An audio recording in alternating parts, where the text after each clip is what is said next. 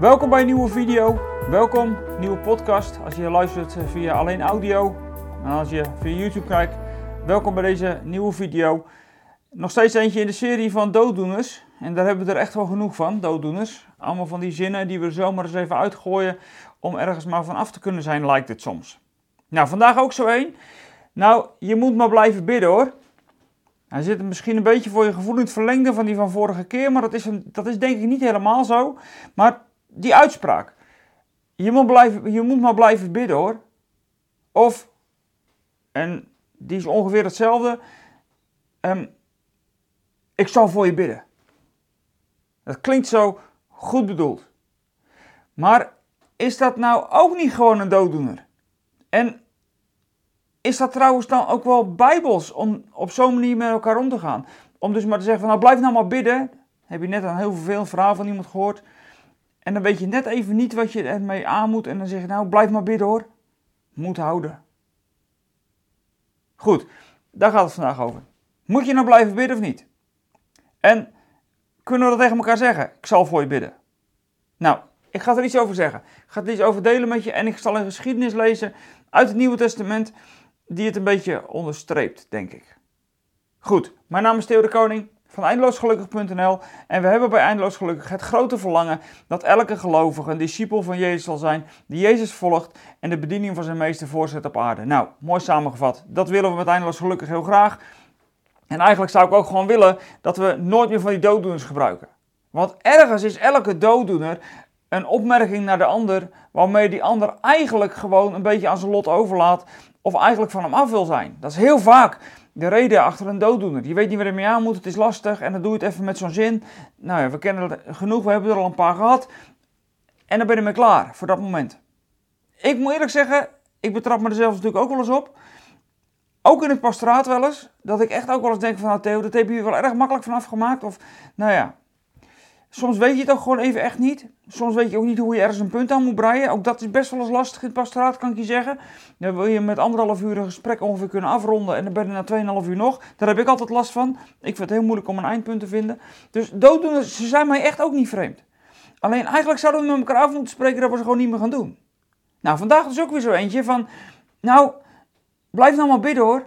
Weet je, dan heb je bij iemand aan tafel gezeten of het is net je buurman. Je loopt even op straat dat is misschien nog wel meer dan dat je bij iemand aan tafel zit. Je loopt je op straat en dan vertelt iemand hoe slecht het gaat bijvoorbeeld met hem. Of er is wat aan de hand. En, en eigenlijk heb je zoiets van, ja, ik weet niet waar ik ermee aan moet. Of het komt mij helemaal niet uit. En dan zeg je van, nou blijf nou maar bidden hoor, dan komt het goed. Ik vroeg ooit aan iemand, bid je nog wel? Nou, die uitspraak die achtervolgt mij nog steeds. Ik ben er oprecht nog steeds van overtuigd dat de vraag is die je gewoon mag stellen. Bid je nog wel? Maar of je nou echt kan zeggen van, blijf nou maar bidden, zo van... Nou, dan ben ik er voor nu mee klaar. Natuurlijk heb je Paulus helemaal mee. We hebben dat hoofdstuk natuurlijk al eerder gehad over dankbaarheid. Is het uit die Thessalonicense brief ook al naar voren gekomen van dat je altijd God dankbaar moet zijn. Maar dat hebben we ook in het perspectief teruggebracht. Maar dan zegt hij natuurlijk hetzelfde hoofdstuk. Hij zegt bid zonder ophouden. Dus in die zin, ja natuurlijk. Ik ben de laatste die natuurlijk tegen je zou zeggen van je moet stoppen met bidden. Nee, natuurlijk moet je niet stoppen met bidden. En degene die mij kennen weten hoeveel geloof ik heb voor de kracht van gebed. Maar moet je nou dat uitspreken als, als je er gewoon niet meer uit de voeten kan? Dan zeg je tegen iemand maar gewoon van, je moet maar blijven bidden hoor. Of in het beste geval loop je weg en zeg je van, nou, ik zal voor je bidden hoor. Die laatste trouwens, daar ben ik helemaal mee gestopt. Dat klinkt misschien heel onaardig, maar ik weet gewoon dat ik het vaak niet doe. Dan zou je zeggen, Theo, maar jij bidt toch zeker wel veel? Nou, ik bid wel veel, denk ik. Maar ik ben niet zo'n echte bidden voor bepaalde situaties dat ik een belofte kan doen en kan zeggen van nou, ik ga voor iemand, nou, dat, dat, daar ga ik echt voor bidden. Dat is echt niet mijn kracht. En vroeger schaamde ik me daarvoor, tegenwoordig heb ik zoiets van ja, ja, ik heb andere dingen. Ik geef liever onderwijs. Ik doe liever iets complex. En ik, ik zeg het dus ook liever maar niet meer. Het is maar de vraag, hoe ging Jezus daar nou eigenlijk mee om? Hoe ging Jezus nou met die situaties om waar het lastig is? En vindt Jezus er dan ook nog wat van als iemand bijvoorbeeld niet blijft bidden omdat hij de moed verloren is? Kan dat trouwens?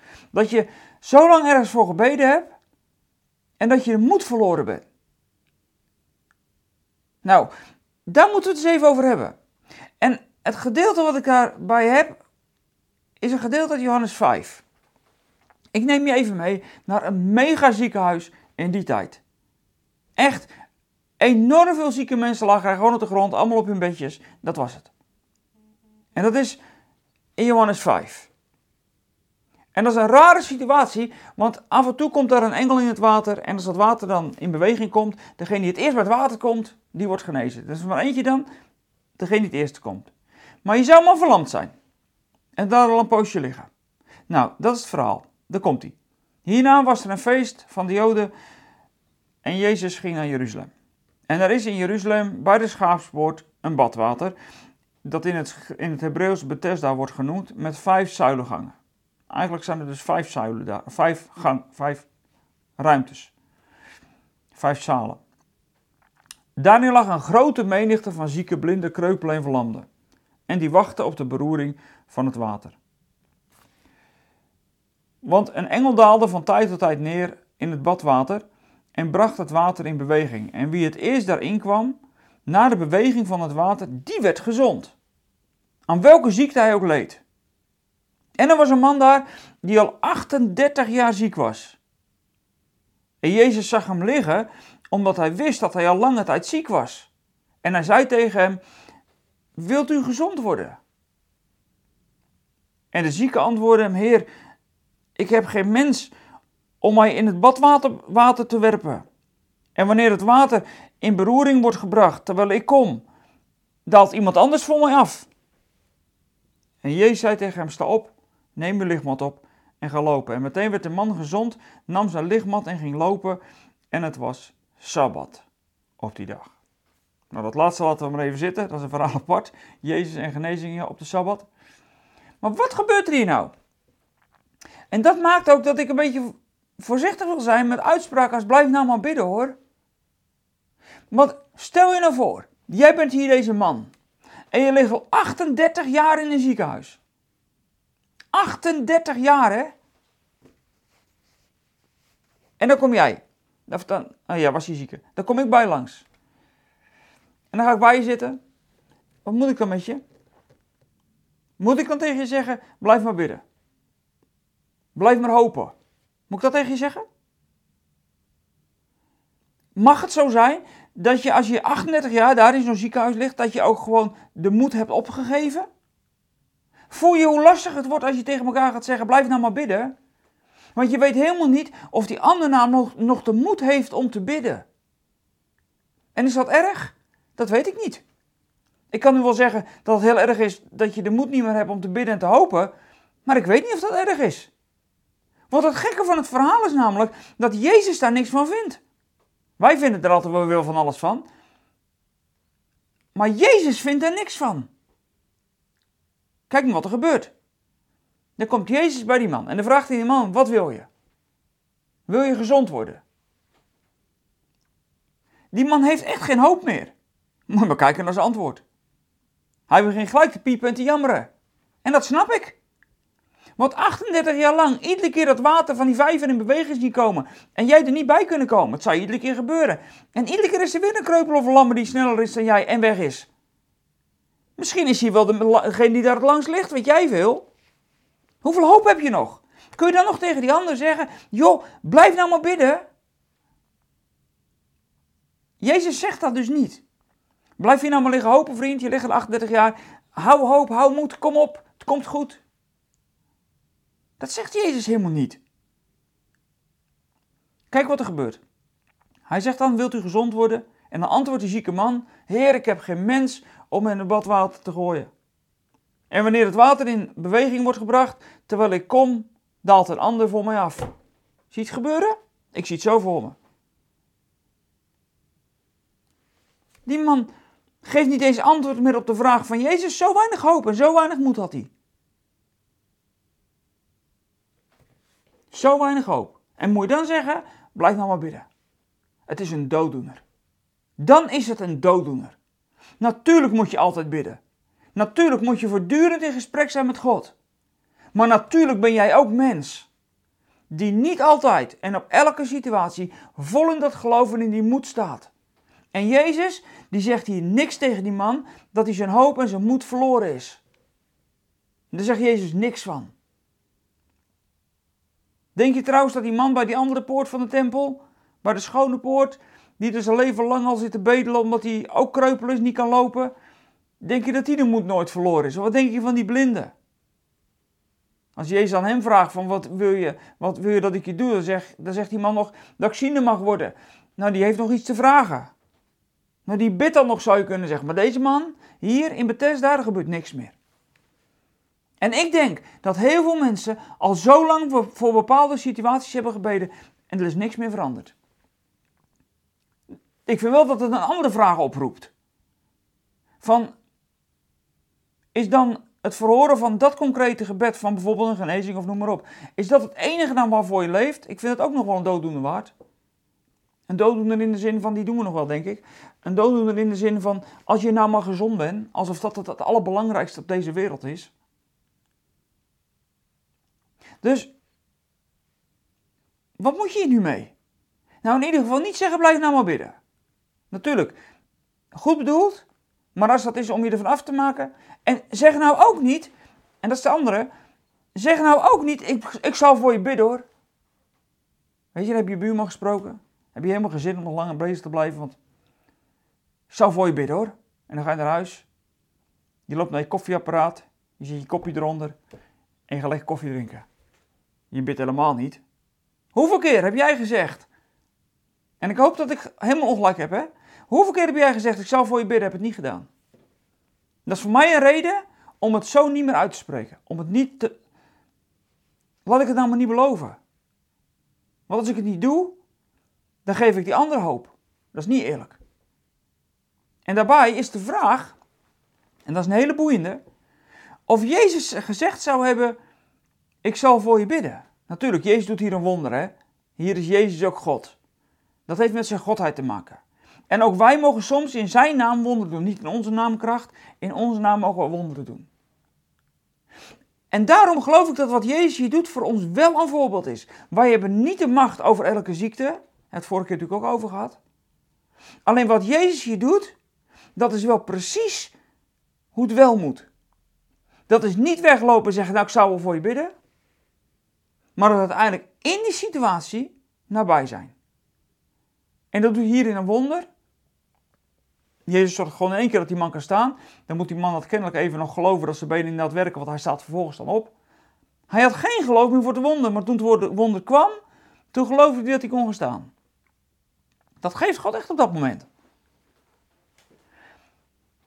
Maar zeg nou niet, ik zal voor je bidden. Het aparte namelijk van het verhaal is, als je Lucas 10 leest, als uh, Jezus zijn discipelen de wereld instuurt, dan zegt hij, breng niet luist vrede. Nou, en als je dat van je ontvangen, blijft daar dan. Dat is het eerste wat hij zegt. En als het tweede wat ze moeten doen, leg op zieken de handen.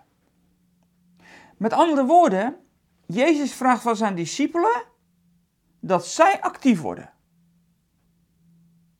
Dus niet dat die ander maar moet vragen en blijven bidden, maar die discipelen moeten, net als dat Jezus hier doet, vanuit datgene wat God hen geeft in de naam van Jezus, van daaruit moeten zij in bewegen. En van daaruit moeten zij dus actief dat geven wat die ander nodig heeft. Dat is wat Jezus hier doet. En ik weet wel, dat blijft altijd lastig.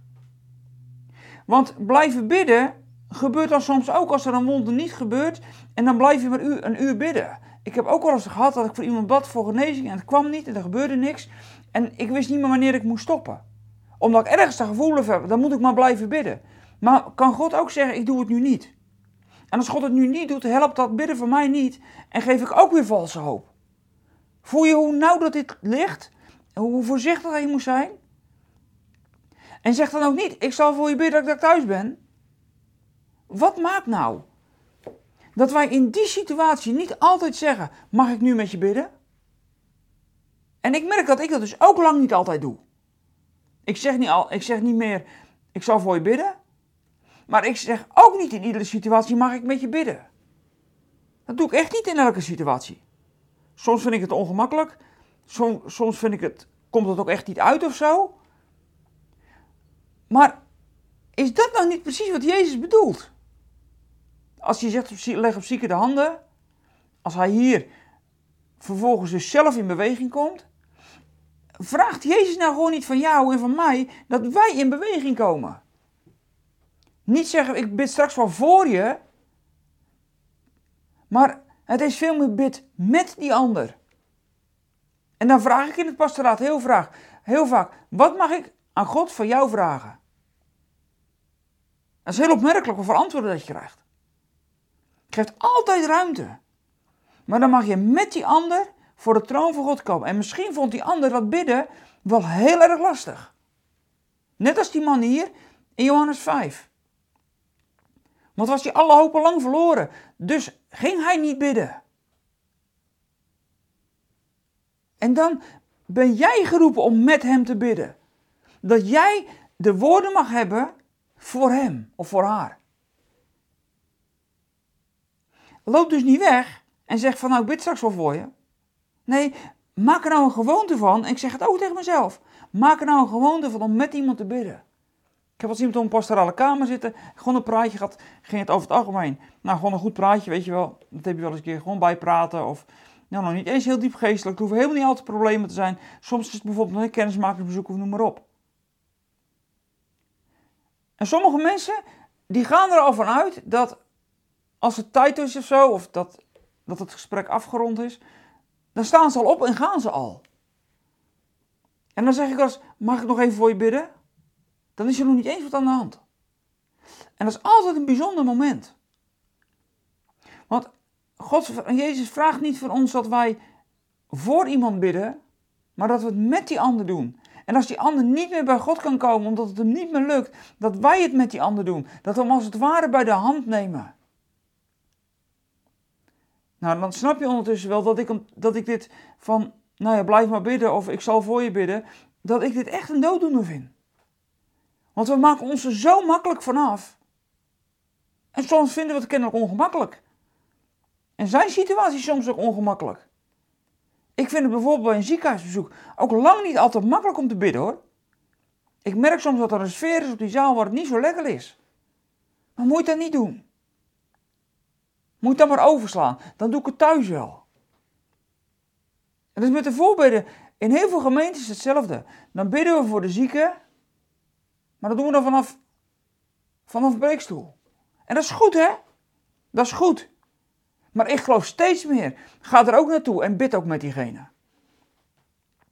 De gemeente waar ik werk doen we dat steeds meer. We hebben een gebedsteam en een gebedsteam is niet alleen tijdens de dienst aanwezig, maar die gaat als er iemand ziek is, gaan ze ook langs. Om voor die ander te bidden. En met die ander te bidden. De handen op te leggen, te doen wat Jezus vraagt. Zo simpel is het. Het hoeft niet ingewikkeld te zijn. Alleen wij moeten de wil hebben om ons er niet makkelijk van af te maken. En dan bidden we met iemand. En als je het op je hart krijgt, dan bid je met iemand.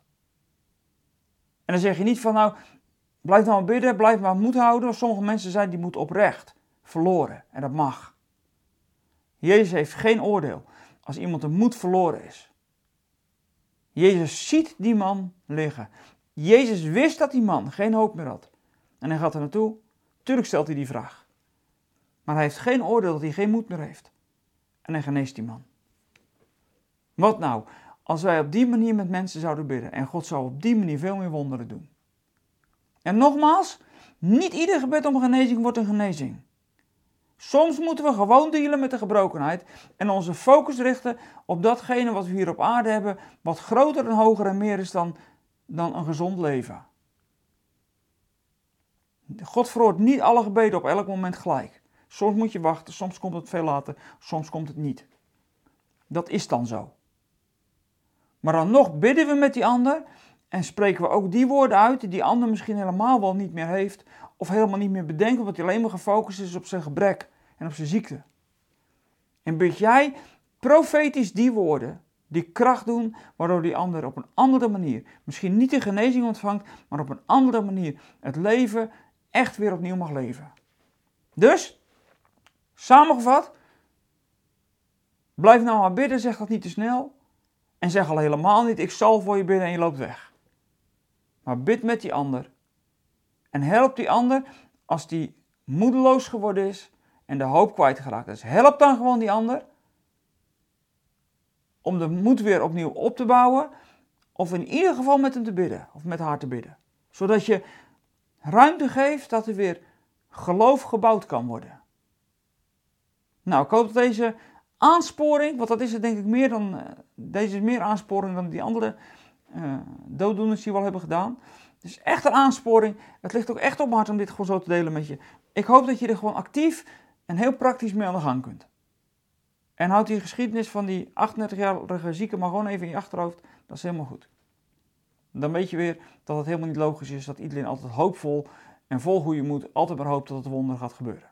Goed, voor nu genoeg. Ik hoop dat je een beetje aangespoord en geprikkeld hebt. Bedankt voor nu. Fijn dat je gekeken hebt, fijn dat je meedoet. En ik zou zeggen, als je dit waardeert, geef ons een blauw duimpje op YouTube. Deel ook de video. Deel, uh, als je podcast luistert, deel maar gewoon. Dat is fijn, want ik denk dat deze dooddoeners echt een beetje uitgebannen mogen worden. Dus deel het alsjeblieft, vinden we heel fijn. Stel ook rustig je vragen in de comments. Dan reageren we als je daar een vraag in stelt.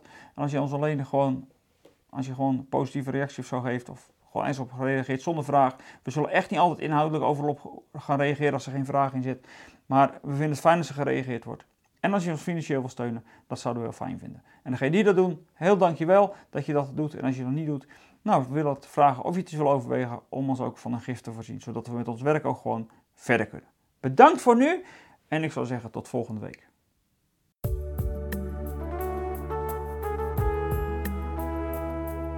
We zijn er weer aan het einde van deze podcast. Spreken deze podcast je aan en wil je ons met de gift ondersteunen? Kijk dan voor meer informatie op www.eindeloosgelukkig.nl slash podcast.